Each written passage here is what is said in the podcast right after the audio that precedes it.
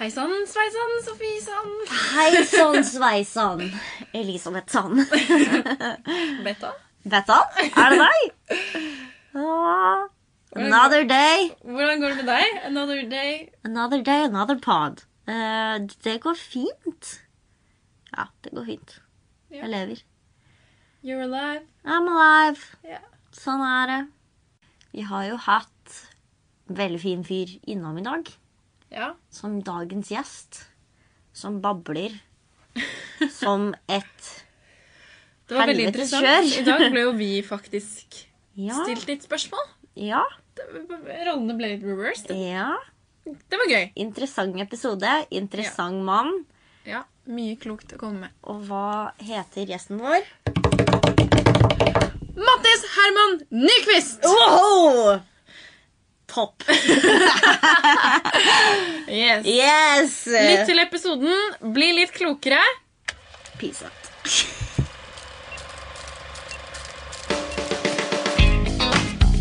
Hei! Brekk et bein! Hei! Brekk et bein!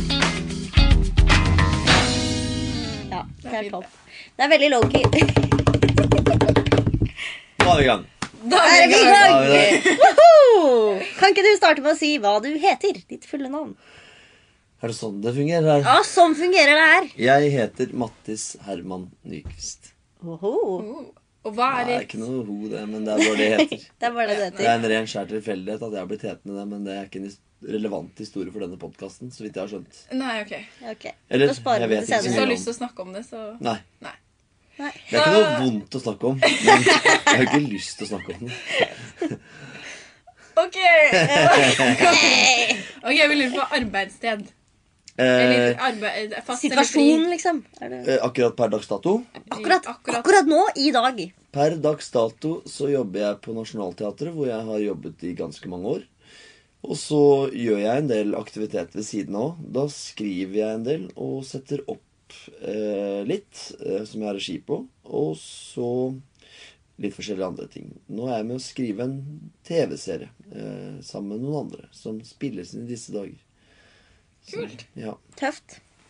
ja, så det er de forskjellige ting da jeg driver med. Men det er primært skuespilleri da som er mitt virke. ja. Ja. Ja.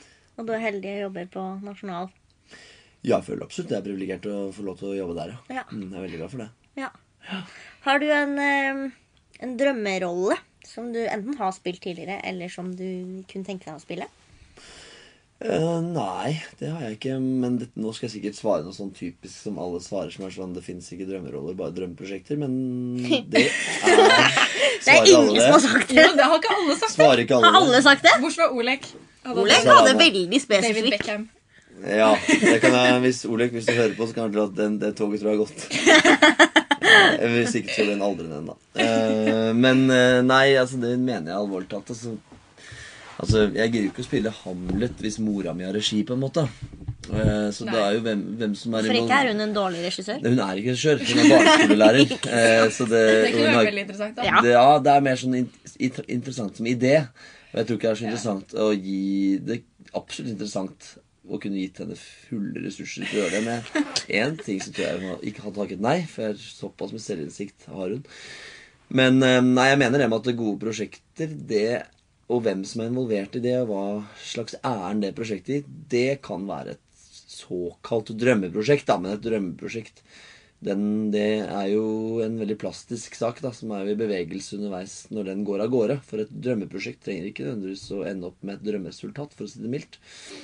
Så, men et gode prosjekter, såkalte, som man da ut ifra de parameterne man har, kan ane, det er vel da et dømmeprosjekt. Så jeg tiltrekkes av det som jeg syns er da interessant, da, som gjerne Som ønsker noe på et dypt plan. Vi har jo også Ja. et uh, gøy spørsmål som vi uh, stiller alltid til slutt. Er det, no, er det noe du vil at vi skal spørre om? Spennende podkast, dette der. Veldig. Jo, Vi har en dypdykkdel etterpå. Å ja, å ja. Det er bra å Eh, holde seg fast. Spørsmålet her ble nå om jeg hadde lyst til å spørre meg selv Jeg om kan, noe. jeg kan spørre. Jeg Da vil jeg spørre. spørre dere om noe, i så fall. Og, og det er gøy! Hva er deres drømmeprosjekt? Hva er deres drømmerolle? Jeg liker alt. Det er litt, jeg har litt samme svar som eh, Line Verndal har. Alt hvor jeg på en måte kan spille crazy. Og Ja. Kamikaze-genet, hvor du kan bare klikke. ja, det er drømmeroller for meg. Og ditt, da? Din, da? Vi har jo egentlig svart på dette her. Ja, I første episode av podkasten. Ja, men det er ikke sikkert alle har hørt den. Eh, akkurat nå eh, så er min drømmerolle Jeg har lyst til å gjøre noe historisk. Krigsgreier. Generelt Du har krig. nytt svar nå i forhold til hva du hadde i første episode. Ja, men det er fordi livet er eh, dynamisk. Hva tenker du på. Eh, Krig generelt, det er det du jeg vil gjerne gjøre krig. Krig. Uh, nei, men uh, en, en jævlig fet krigshelt. Kvinnelig. Ja. Hvorfor krig, krigs, nødvendigvis krigshelt? Jeg, jeg liker den tanken med å gå tilbake i tid.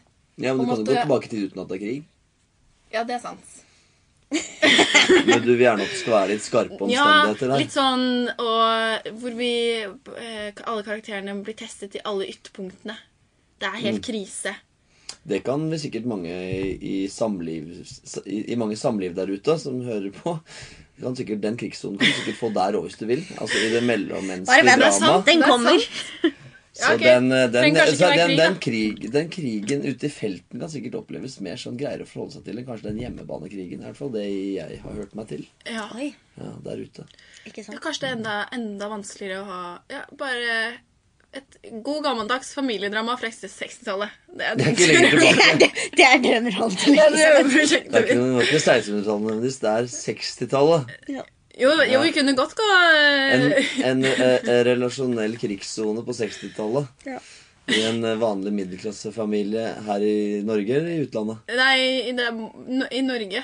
I Norge. Ja. Hvor i Norge konkret? Eh, eh, I Stavanger. Mm. Mm. Kan du stavangerdialekt? Nei, men det skal jeg lære meg. Ja, det er en del, mest på språkovergangen du har lyst til å prøve dette her. Ja, jeg har bestemt meg for at jeg skal ha stavangerdialekt i språkovergang. Oi, du har valgt det allerede? Det Det er ikke er jeg. Det er veldig vanskelig, men det er veldig veldig Men eh, jeg har kommet på et gøy spørsmål til deg. Mm. Eh, hvem er din beste venn, og hvorfor er akkurat den personen din beste venn? Mm. Eller hvis det er dyr. Fint. Hvis det er et dyr. Det kan være det Hvis det er et dyr, så Hvor- er det i så fall den triste historien som skal fortelles noen gang. Eh, aldri skal min bestevenn være et dyr.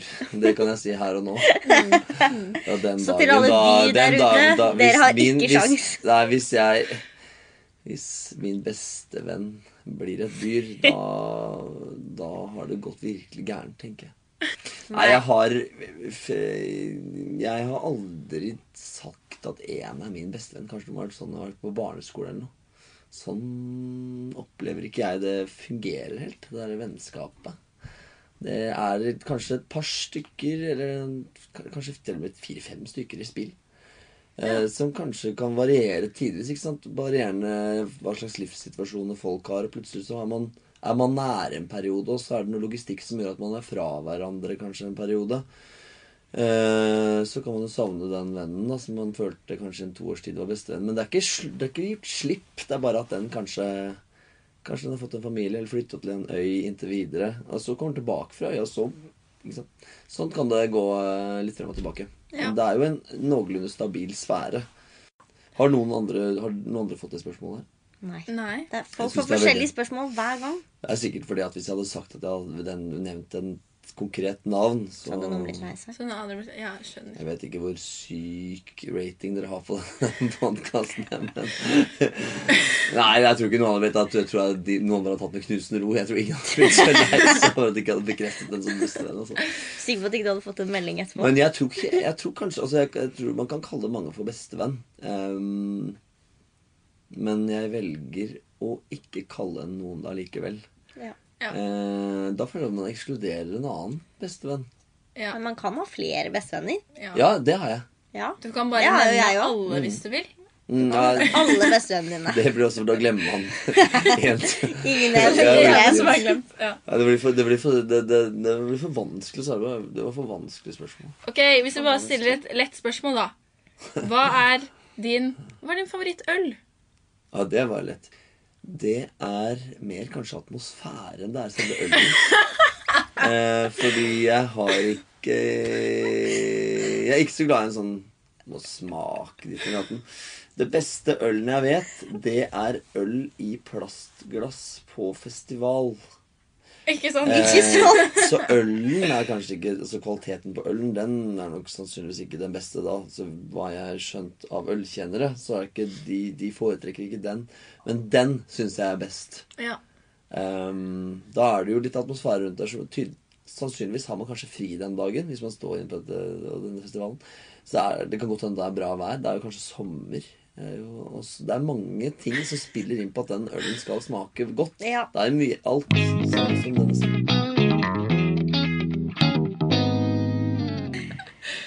Vi må videre. Vi lurer jo da litt på om du kan fortelle om din liksom, reise, veien din til der hvor du er i dag. Eh, rent menneskelig eller er det jobbmessig relatert? Nå er vi jo innenfor det denne podkasten dreier seg om. Ja, det er som er. Vi trenger ikke ha personlig reise. Det er mer sånn Nei, for jeg, men foreløpig har jeg fått spørsmål med en bestevenn, ølmerker osv., så, så det er ikke lett å vite når det er faglig kobling her. Nå er vi på faglig. men, men ok, fra du bestemte deg for at nå skal jeg bli skuespiller, Mm. og at du var oppriktig med det Nei, altså da vil jeg problematisere det òg, da, og si at jeg aldri har bestemt meg for det. Og jeg heller. Men jeg i hvert fall tok en alvorlig sats da jeg begynte på Teaterhøgskolen. Men et eller annet punkt så må du også ha søkt Teaterhøgskolen. Det stemmer. Og når du søker Teaterhøgskolen, så har du en liten tanke om at det kanskje er skuespiller du skal bli. Mm. Jeg skal prøve å ta den, den, den reisen Ja. kjapt. Ja. Jeg gikk på skole i Skien. Vanlig allmenn, allmenn, allmenn. Både Opp til videregående. Aldri stått på noen scene noen gang. Eh, vi var bare som barneteater, og sånn, men da er det jo men sånn skoleoppsetning. Men da gjemte jeg meg visstnok ifølge min mor bak gardin osv. Jeg kunne ikke visstnok tenke meg noe verre enn å eksponeres på en sånn måte. Så det er veldig gåtefullt at det er endt som det er endt. Og så, så var jeg ferdig med videregående. Så visste jeg sikkert ikke jeg heller, så mange med meg, hva jeg skulle gjøre. Så da tror jeg det ble noe Kanskje man tenkte sånn Noe med media? Er det ikke det man noen gjør? Eh, når man ikke aner hva man skal. Men jeg har alltid vært veldig nysgjerrig, da, men ikke på, på skuespill, men på alt samfunn, mennesker, livet generelt. Og så hadde jeg en farmor som eh, var en, et herlig menneske. Hun hadde sitt virke som keramiker. Men der var hun og prater inne i stua hennes, eh, en bitte liten leilighet i bygda Lev. Hun bodde, hun bodde i Oslo, og jeg bodde i Skien. For det er der jeg opp.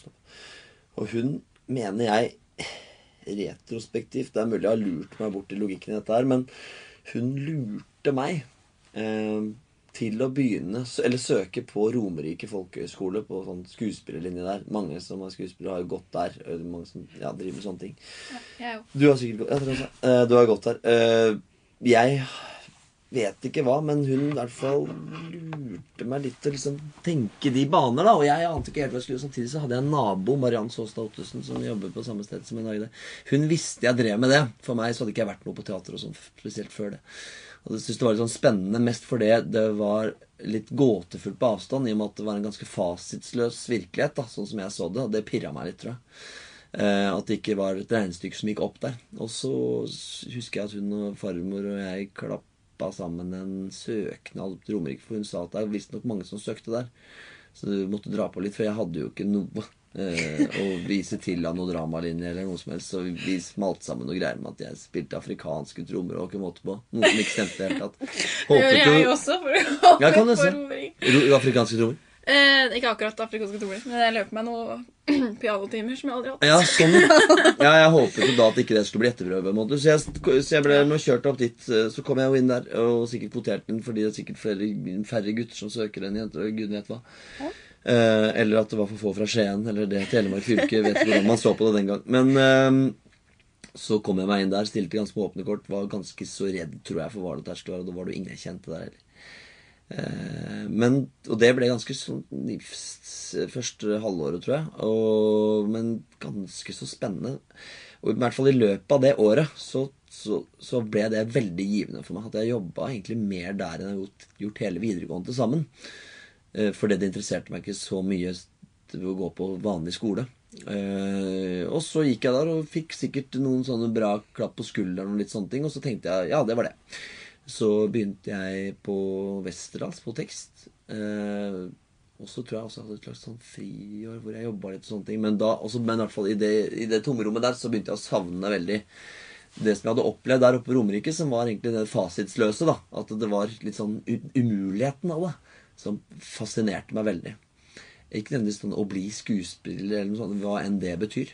Eh, og så begynte jeg å søke på Teaterhøgskolen mens jeg gikk på Westerdals, var det vel. Og så kom jeg til den siste prøven noen ganger, så jeg klarte ikke helt til slutt. da. Eh, så, men til slutt så var jeg så heldig å komme inn. Og, men jeg hadde også søkt litt under feil fane, for jeg hadde søkt sånn søkte en periode på vanskelige ting å komme inn på. Jeg hadde ikke så bra karakterer, men sånn at man måtte ha opptaksprøve for å komme inn på ting. Kunne alt være manusforfatter et eller annet sted. eller sånne ting. Men så kom jeg, kom jeg da inn der, og da tenkte jeg Jeg hadde ingen ideer om at noen skulle ta tak i meg hvis jeg gikk ut derfra noen gang, så da tenkte jeg at jeg kan satse alt jeg har eh, av tid og krefter på det. Men, og jeg var jo ganske kunnskapsløs rett og slett da jeg begynte der. Og så hoppet jeg i det. Og så åpenbarte det seg som et forferdelig interessant felt for meg. eh, Mer enn jeg hadde tenkt. Eh, Også kanskje fordi jeg er oppdaget at mye av det jeg er interessert i, som kanskje er en slags sånn blanding av psykologi, filosofi, sosiologi og sosialantropologi og ja, generelt samfunn og mennesker, det i sine beste stunder så driver man jo med det inni der. Og snakker om det og prøver å finne ut av det og lage et språk på det som det kanskje ikke finnes et språk for. Og det har egentlig utvikla seg videre. Så har jeg vært heldig å få lov til å jobbe i etterkant, og så har jeg fått via det også fått lært meg å skrive og lage selv ting. Sånn, så ja, det har falt seg litt Startet litt tilfeldig, da, for å svare på spørsmål, konkludere på spørsmål. Startet litt tilfeldig, eh, og så endte det opp bevisst. Eh, Så nå er jeg veldig glad for å være i det virke i det hele tatt, som har en mye breiere sfære enn jeg kunne forestille meg da jeg begynte. Var det greit svar? Det er et veldig, veldig fint svar. Veldig fint Jeg ble usikker på noe. Bra hva som var nivået. Bra.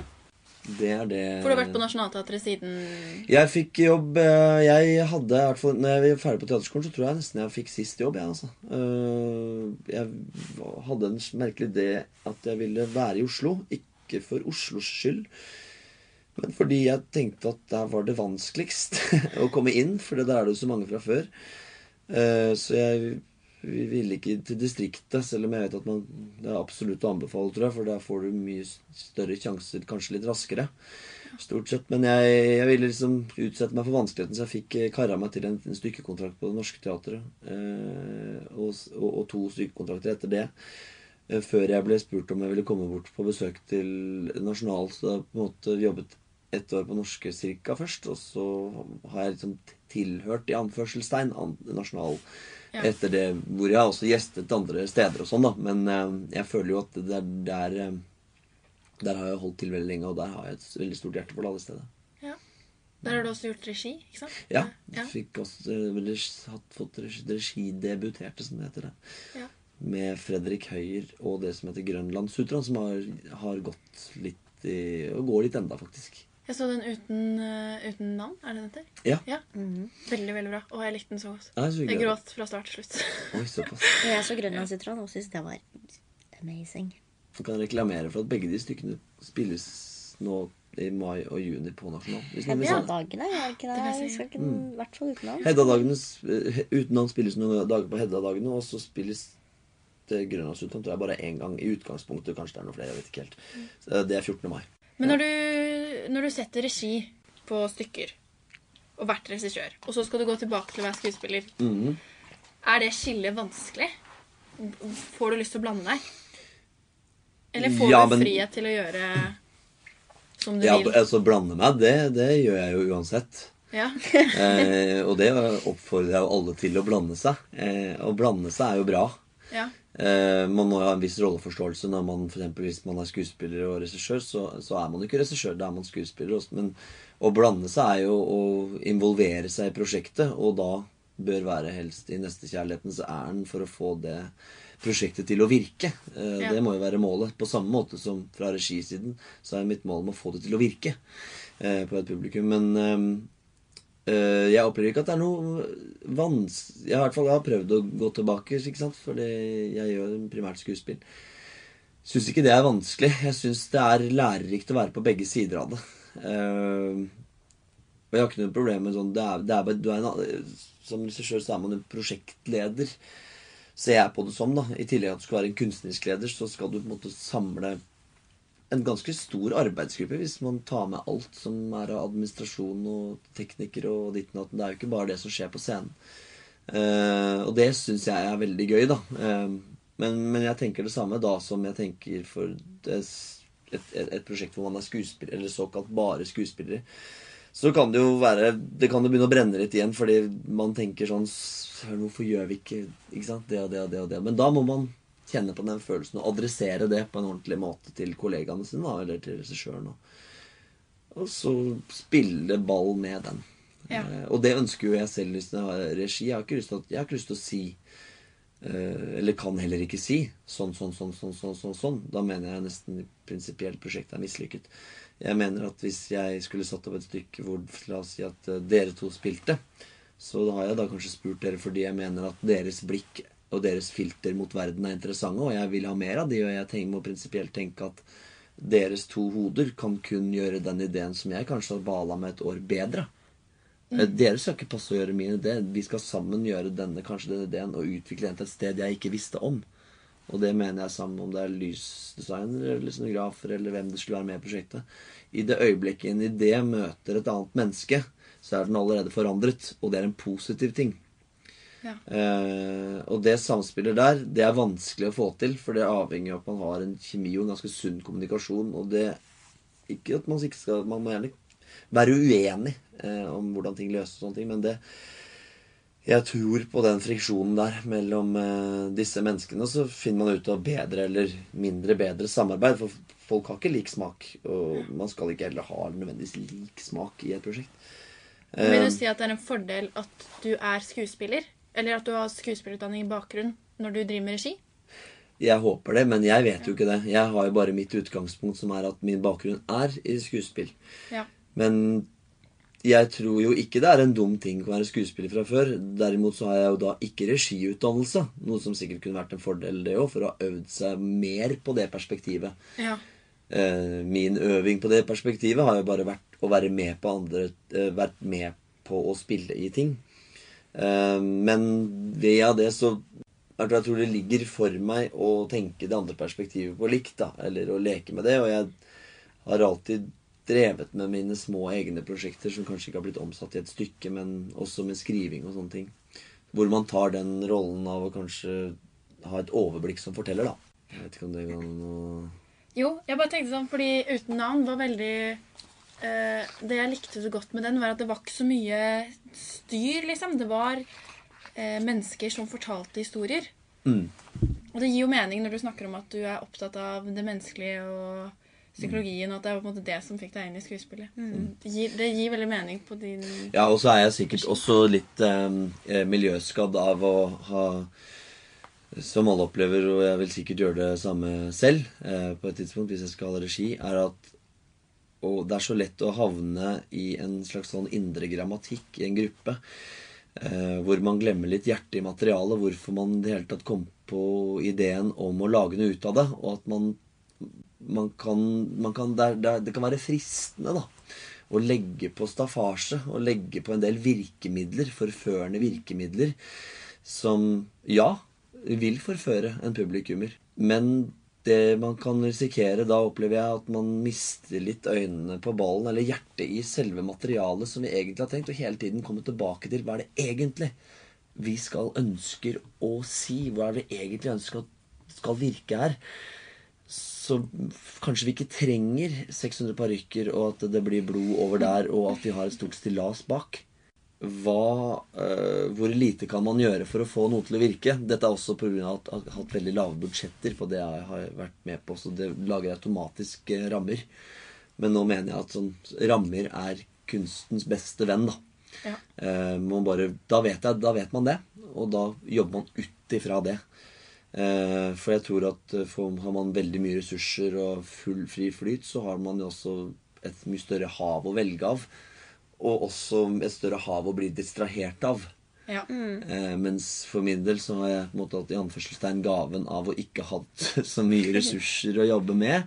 Eh, bortsett fra menneskene, da. Og et materiale som jeg har trodd på, og som er min oppgave å få de andre til å tro på. I hvert fall i den uten navn som du nevner. da. I den første anledningen så var det jo Fredrik Høyer som skri har skrevet og spiller det. Eh, som, da var det bare han og jeg, men da, det var jo mange aktører rundt der for det i tillegg. Du sier at når du jobber som regissør, så jobber du veldig Du spiller veldig ball med skuespillerne. Jeg håper det, i hvert fall. Ja. Hvordan eh, løser du som regissør det hvis jeg som skuespiller står der og står fast? Hvordan velger du å gi meg regi da? Eh, For det første så vet jeg ikke om det er eh, hvis, hvis vi står fast, så tror jeg kanskje ikke det er én part som står fast. Da står vi sammen fast. Og hvordan har vi kommet til det punktet at vi står fast? Og det er ikke et farlig punkt å være på. Jeg tror Da må man bare bruke den tiden det tar. Om vi ikke skal prøve Kanskje vi skal bare prate de neste to-tre ukene om det, hva det er. Altså Jeg tror på at man finner de løsningene sammen. Om hvor lite eller stort det skal være. Jeg tror i hvert fall det farligste er da å begynne å finne på noe. eh, For å på en eller annen retningsløs måte komme seg ut av det. Eh, I en sånn fase hvor man står fast, så kan det være lett å komme på noe påfunn eh, som ikke kommer fra det vi egentlig startet med. Så får jeg heller snakke om hvorfor, vi, hvor, hvorfor, hvorfor står vi fast. Det tror, Ofte, da, hvis man står fast, så tror jeg det går an å etterprøve det bakover.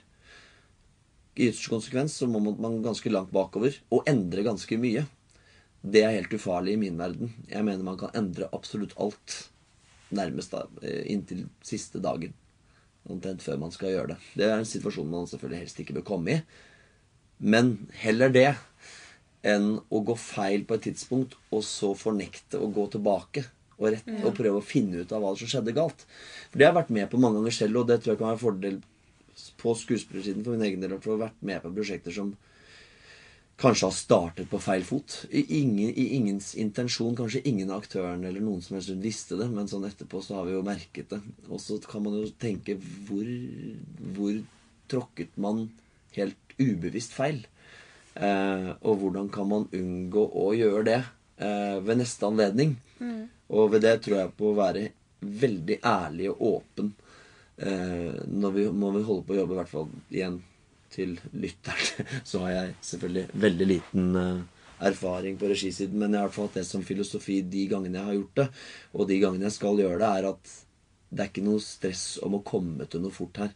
Vi må sammen finne det, og, og finne en eller, annen, en eller annen felles plattform hvor vi eier det litt sammen, sånn at vi har en trygghet, eller ikke nødvendigvis trygghet er litt sånn defensivt ord, men vi har en ganske dyp felles forståelse om hva dette sannsynligvis er, før vi begynner å gå eh, oppover og, og, og strekke oss etter noe, noe stort.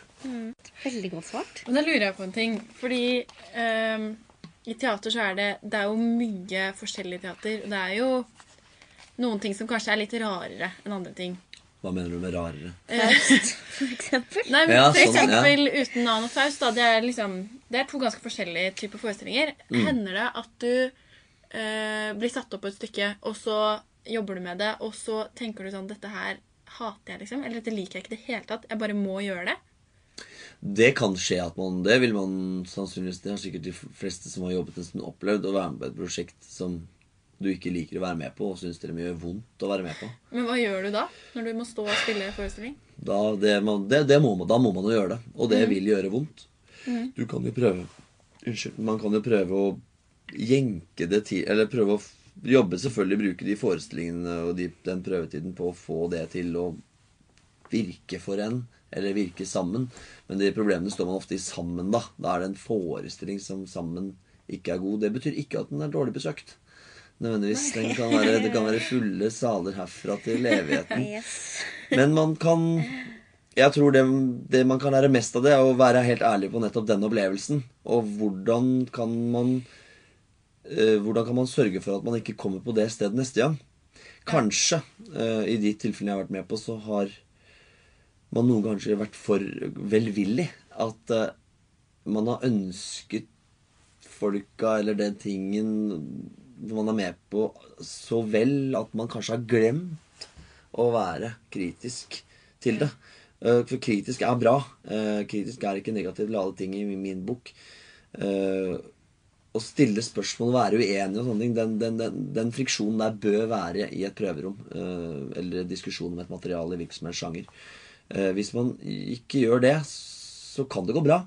Men det kan også ikke gå bra. uh, og da kan det plutselig oppleves litt irreversibelt. For noen ganger er det kanskje størrelser som ikke kan starte på null igjen. For den, det krever i så fall at du har en regissør eller en kunstnerisk leder som er villig til å ta den sinnssyke risikoen av å nullstille et prosjekt. Starte på nytt, gjøre alt kanskje på nytt på seks dager, og guden vet hvor det skal lande. Eventuelt så kan du gjøre noe annet. Du kan prøve å lappe det sammen i en eller annen ganske fet, forførerisk stil. Og så på en eller annen måte så flyter det innenfor en eller annen mm, kunstaktig sjanger, ikke sant? Som du kan komme levende fra. Ja. Ja, ikke sant. Det er egentlig litt fint å høre. At, eh, for det har jo skjedd at jeg har vært sånn Åh, dette prosjektet her. Dette Mm. hater jeg. Så jeg tenkte sånn Når man blir yrkesaktiv og skal begynne å jobbe, at det må være Ja, den tiden er ikke forbi. Rart, Nå tar jeg en jakke hvis noen lurer hvorfor det er så, hvorfor det knirker. Eh, nei, det er ikke siste først, og det er ikke siste gangen jeg skal oppleve det heller. Eh, og du skal sikkert oppleve det når du er 75 også, ikke sant. Så det Men det, jeg mener at det er Man må jo tenke at det er mulig å redusere Redusere bommene, holdt jeg på å si. Eh, samtidig er det umulig. Da. Det er jo det som er så Det er det som er så pirrende med det òg, er at alt kan ligge til rette for at dette skal gå bra, og så likevel så bare er det ikke noe. Og så gåtefullt så, så, så mange som har jobba i så mange år, kanskje på en, som har så mye erfaring, og likevel alle de kan ta feil. Hvorfor er det sånn? Det er, det er jo helt enestående rart, som ikke kan sammenlignes med noen andre vanlige bedrifter. Nei, det er sant. Eh, men det er jo det som er jobben. Man skal jo helst prøve å søke seg mot noe som allerede ikke er gjort akkurat på den måten. Og da skal man jo prinsipielt tråkke opp en ny sti, da. Hver gang, selv om selvfølgelig alt er gjort før osv. Men eh, jeg tror det alltid er en ny tone å finne i et materiale. Du har jo jobbet som skuespiller etter at du har gjort disse prosjektene hvor du har hatt regi. Ehm, føler du at du på en måte har blitt en bedre skuespiller, eller at du jobber annerledes da, som skuespiller etter at du har fått den erfaringen innenfor det å ha regi, og også kanskje skrive ting selv? Det er nesten for tidlig å si, siden jeg har gjort det så mange ganger, så få ganger unnskyld, på regi. Men Nei, jeg, jeg Når man sitter Sist når jeg holdt på med det utenlands, så, så, så lærte jeg nok mer av den første gang. For første gang så var det med Fredrik, og han er jo ikke skuespiller fra før. Så da hadde vi jo en liten slags sånn teaterskole eh, på likt, hvor jeg da kunne mer. Eh, helt objektivt. Men han, kunne, han, hadde, han har sin ting som han kan bedre enn noen. Eh, men på den andre prosjektet, så da var det jo veldig mange som er skuespillere fra før, og mange har til og med jobba mye lenger enn meg. Eh, å se de eh, prøve og forsøke og feile og lykkes eh, på samme måte som jeg sannsynligvis selv gjorde at jeg fikk en sånn annen forståelse for det. For jeg tenkte jeg ville sannsynligvis eh, prøvd akkurat på samme måte. Men jeg ser herfra at kanskje det er ikke riktig retning for å fortelle for å få fortalt totalt sett hva vi skal fortelle med denne lille forestillingen, f.eks. Man kan godt la seg friste til å vekte en ting i en scene, da. Skuespilleren isolert sett kan finne på å vekte seg liksom Å ja, vi skal til det. Men totalt sett så trenger ikke den delen av forestillingen Den trenger ikke vekten av noe emosjonalitet på den måten, eller det humøret. Eh, fordi i spill med det som skjer i forkant der, eller etterkant der, så trenger den denne valøren nesten for en funksjon for å bygge helhet. Eh, det kan være vanskelig å forstå eh, også for meg som skuespiller at hvordan eh, Hvem er man i et helhetlig spill, ikke sant? Eller en helhetlig fortelling? Eh, jeg føler jo at man blir bedre og bedre på det med årene uansett, men man får en ekstra ekstra fint blikk på det når man sitter på prøve hver eneste dag og ser det utspille seg. Også fordi man må forholde seg til spørsmålsstillingen hele tiden.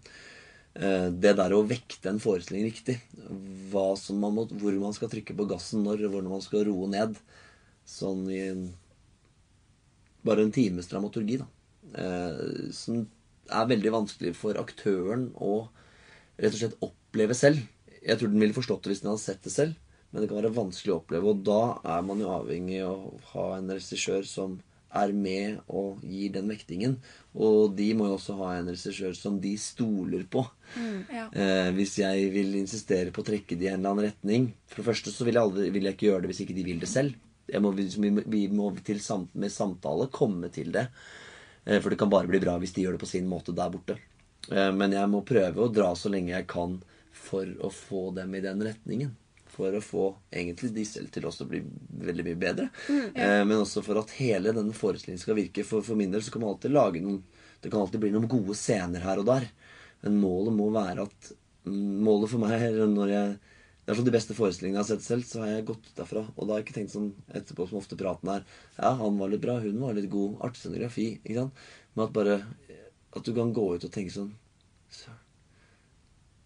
Altså han begynner å snakke om hva det var, istedenfor sånn den der, eh, Hvem som var bra, det var litt kul. Den der lyset, den musikken der var litt fin. Altså, burde man konsentrere om enkelte med en gang. Hvordan kan man lokke noen vekk fra at det blir automatiske praten i trappa ut av stykket?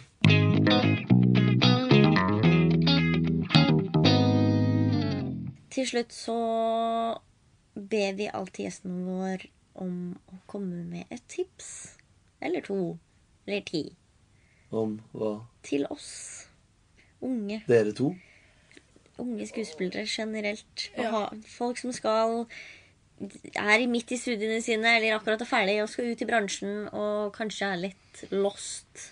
Nei, hvis jeg skulle vært dere to, da, for eksempel, som går på skole, så Jeg tror at man søker, hvis man søker seg til noe som helst, og i hvert fall dette, som skuespillervirke, så har man kanskje eller tenkt sånn Sittet hjemme og sett på noe guden vet når man var liten, eller om det var nylig, at bare sånn Det der kunne jeg gjort bedre, liksom. Eller det der ville jeg gjort sånn. Det var altså sånn Den, den eh, stemmen der, eh, som egentlig er ganske sånn grandios, eh, den er litt sunn, for det sier noe om eh, hva slags filter du har, hvordan, hva slags filter du leser av verden med. Og jeg mener at eh, det eneste talentet Gudrun Hansen eller Bjørnar Mikkelsen, hvis det er noen som heter de to navnene jeg sa nå eh, Det største talentet de har, er nettopp at de har de to øynene, og at de har levd det livet for seg selv, og at de nå har endt opp med å bli sånn der. Deres avlesning av verden, hvordan de leser et manus, hvordan de tolker en verden utenfor seg, det er deres største talent. Og for det er deres eh, i beste fall intuisjon om hvordan de kan Og det, hvordan de kan da få omsatt det inn i et eller annet kunstnerisk virke. Det er det eneste talentet, for det er det personlige avtrykket som skiller dem fra naboen, og som gjør det ugenerelt. Og det er veldig skremmende å tørre å stole på sin eget slags sånn indre fjær eller et kompass av følsomhet, hvordan man skal lese en verden. Men dessverre så må man, må man øve seg på å stole på det. Det betyr ikke å kjøre på det. Det betyr å ha med seg det i stor grad, samtidig som man lytter med omgivelsene sine. Eh, Regissøren, kollegaene, materialet i seg selv. Sånne ting. Men hele tiden tror jeg stå igjen som min lesning av det, den er god. Eller dypest sett, den er god. For uten det så er man generell. Det, men det som er litt trist med å følge det rådet, og risikoen med det, er at ingen vil ha ditt filter mot verden. Ingen er interessert i dine øyne. Så det kan hende at ingen vil ingen, Det kan hende for min del òg. Nei, Nyquist, han, han er ikke jeg er ikke spent på hans blikk. Og da fins det masse andre blikk å ta. Og den risikoen må jeg utsette meg for. De gangene jeg ikke gjør det, så blir det ekstremt dårlig, er min erfaring. Eh, men de gangene man tør å gjøre det, så er det risikofylt. Men det er helt sikker på at det blir mer interessant. Og det er bedre eh, å gjøre det og tørre å stole på det enn å ikke gjøre det. For det, hvis ikke man tør å stole på det, så tror jeg man går en ulykkelig fremtid i møte. Og da tror jeg man kan drive med tusen andre ting istedenfor å drive med skuespill. For det å stille seg på arbeidsplassen sin og eksponere seg sånn hver dag det er ikke noe vits hvis man ikke har det bra, hvis man ikke er i et ekstra stort ærend for det. For det er få økonomiske insentiver som pirrer, med mindre du er i en bitte liten prosentskala. I en norsk liten sfære, da. Så mitt råd er da stol på din egen lesning av verden. Bra tips. Godt tips. Ja. Jeg vet ikke. Jeg vet altså Jo, det er kjempebra. Det- Jeg tror kanskje det er det. Hvis man skal ja, Noen ganger så Hvis man kan og vil bli spurt, så hjelper folk som søker på skole. Da prøver jeg teaterskole eller noe sånt. Så prøver jeg alltid liksom å ikke jeg, jeg kan ikke si hvordan de skal løse det. Tror kanskje at jeg skal si hvordan de skal gjøre det. og Det, det er helt feil spor. Jeg kan kanskje hjelpe, kanskje dytte på en eller annen retning, men de må gjøre det selv på sin måte.